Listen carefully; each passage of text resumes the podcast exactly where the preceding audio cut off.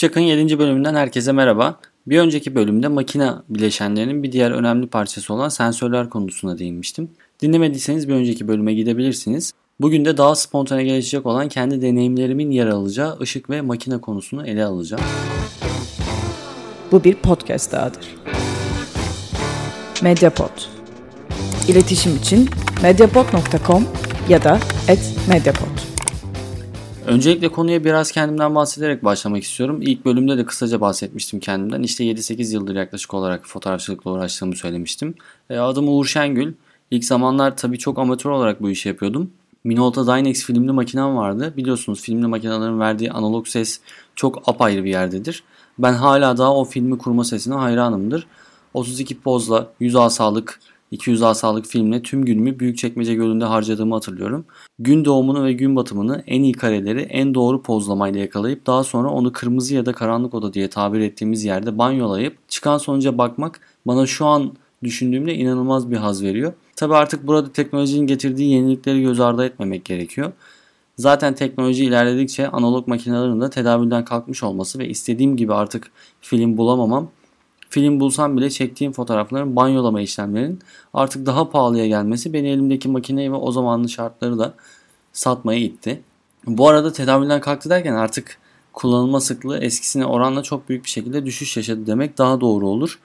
Bir de artık dijital fotoğraf makinesi kullanan insanların her şeyi yani çektikleri her fotoğrafı çok çabuk servis edebilmesi inanılmaz da cezbedici geldi. Ben de tam bu zamanlarda aslında zaten dijitalleşmiş bir ortamda hala analog makine kullanmanın zevkini yaşamaya uğraşıyordum işte kendi çapımla. Arkadaşım ilk dijital fotoğraf makinesiyle yanıma geldi ve yanlış hatırlamıyorsam Canon'un EOS 600D modeliydi. Kit lensiyle beraber ve durmadan fotoğraf çekiyor olması hoşuma gitti ve beni de bu piyasanın içine sürükledi. Bunlardan neden bahsettiğim ve bu süreçlerden sonra kendi deneyimlerim üzerine birkaç şeyden de bahsetmek istiyorum. Tüm bu yaşananlardan ve eksik tecrübelerimden de faydalanarak bir ajansa fotoğrafçı asistanı olarak işe girdim. Tabi bunun da öncesinde aldığım grafik tasarım eğitimi falan onlara hiç değinmek istemiyorum ki biraz da Photoshop kullanmayı sevdiğim için ve fotoğraflarla uğraşmayı da sevdiğim için bu işi daha da geliştirmeyi istedim hep. Yani fotoğrafçılığı. İşte profesyonel olarak çekim yapan ve ortalama firmalara çalışan bir ajanstı bu girdiğim yer.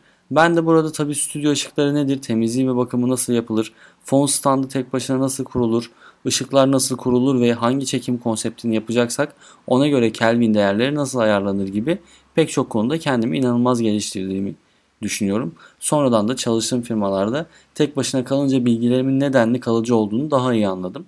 Bu tabi bildiğiniz gibi her işte böyledir. Bilgi birikiminiz tecrübeyle sabittir. Ee, çalıştığım her firmada ya da ajansta karşıma değişik handikaplar çıktı.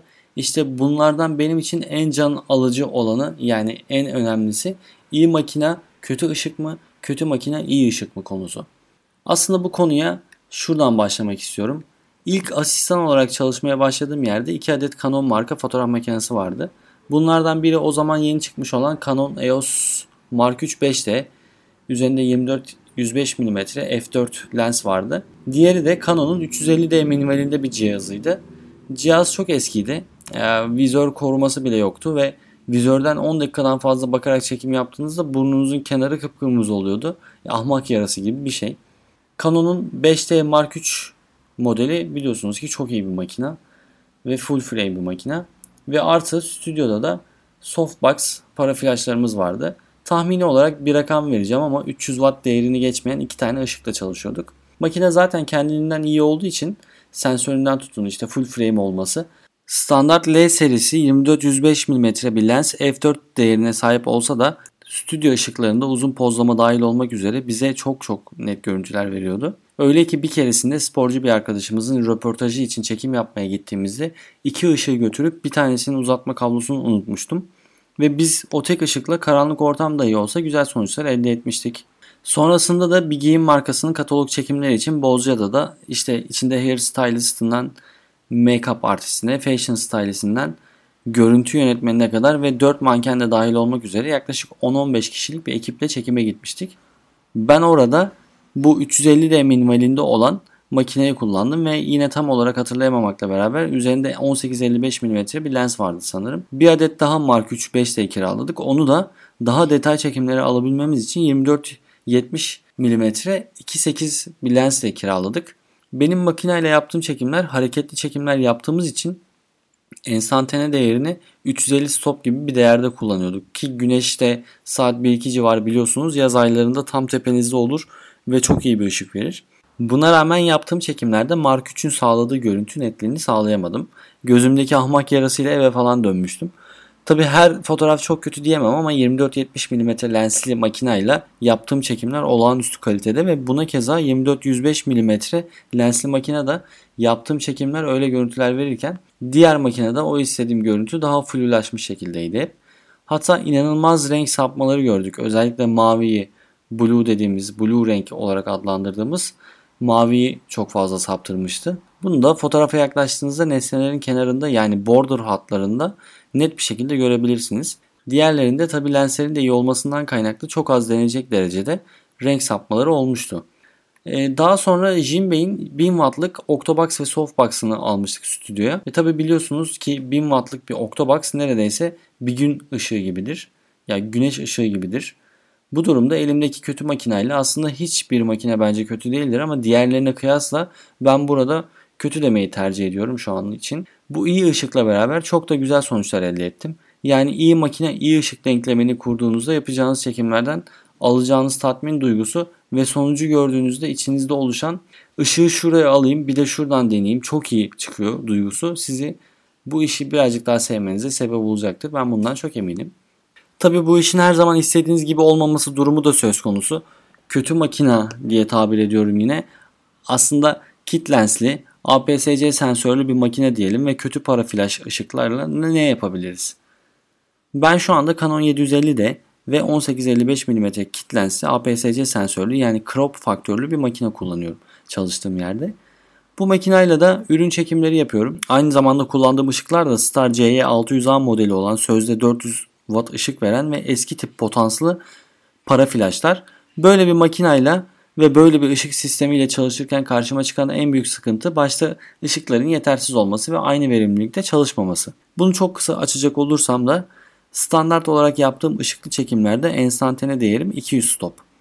F değerim ürünü net olarak çekebilmek için 8 ile 13 stop değeri arasında ve ISO değerim 100 sabitinde ürün çekimlerini yapıyorum sürekli.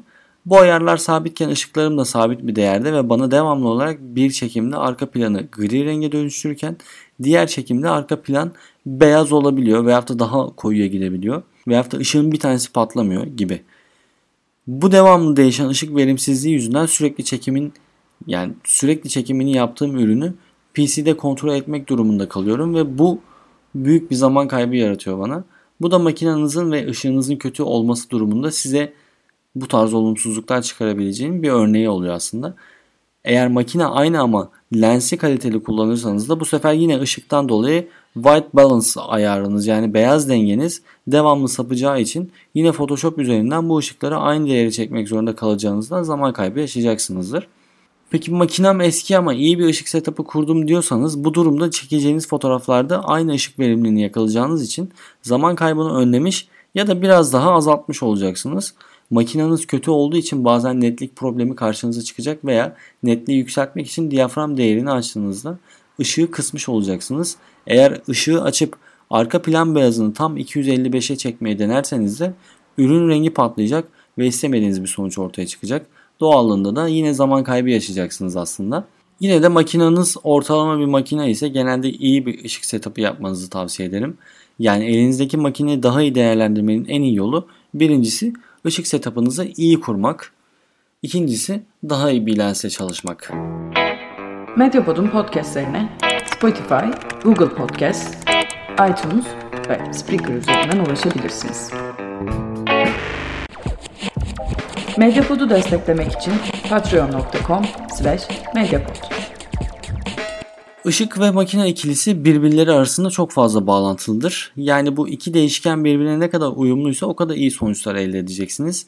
Bildiğiniz gibi fotoğrafın temel yapı taşıdır ışık. Işık olmazsa fotoğraf hiçbir şeydir. Işığımız ne kadar iyi ise elde ettiğimiz görüntünün kalitesi de o derecede iyi olacaktır.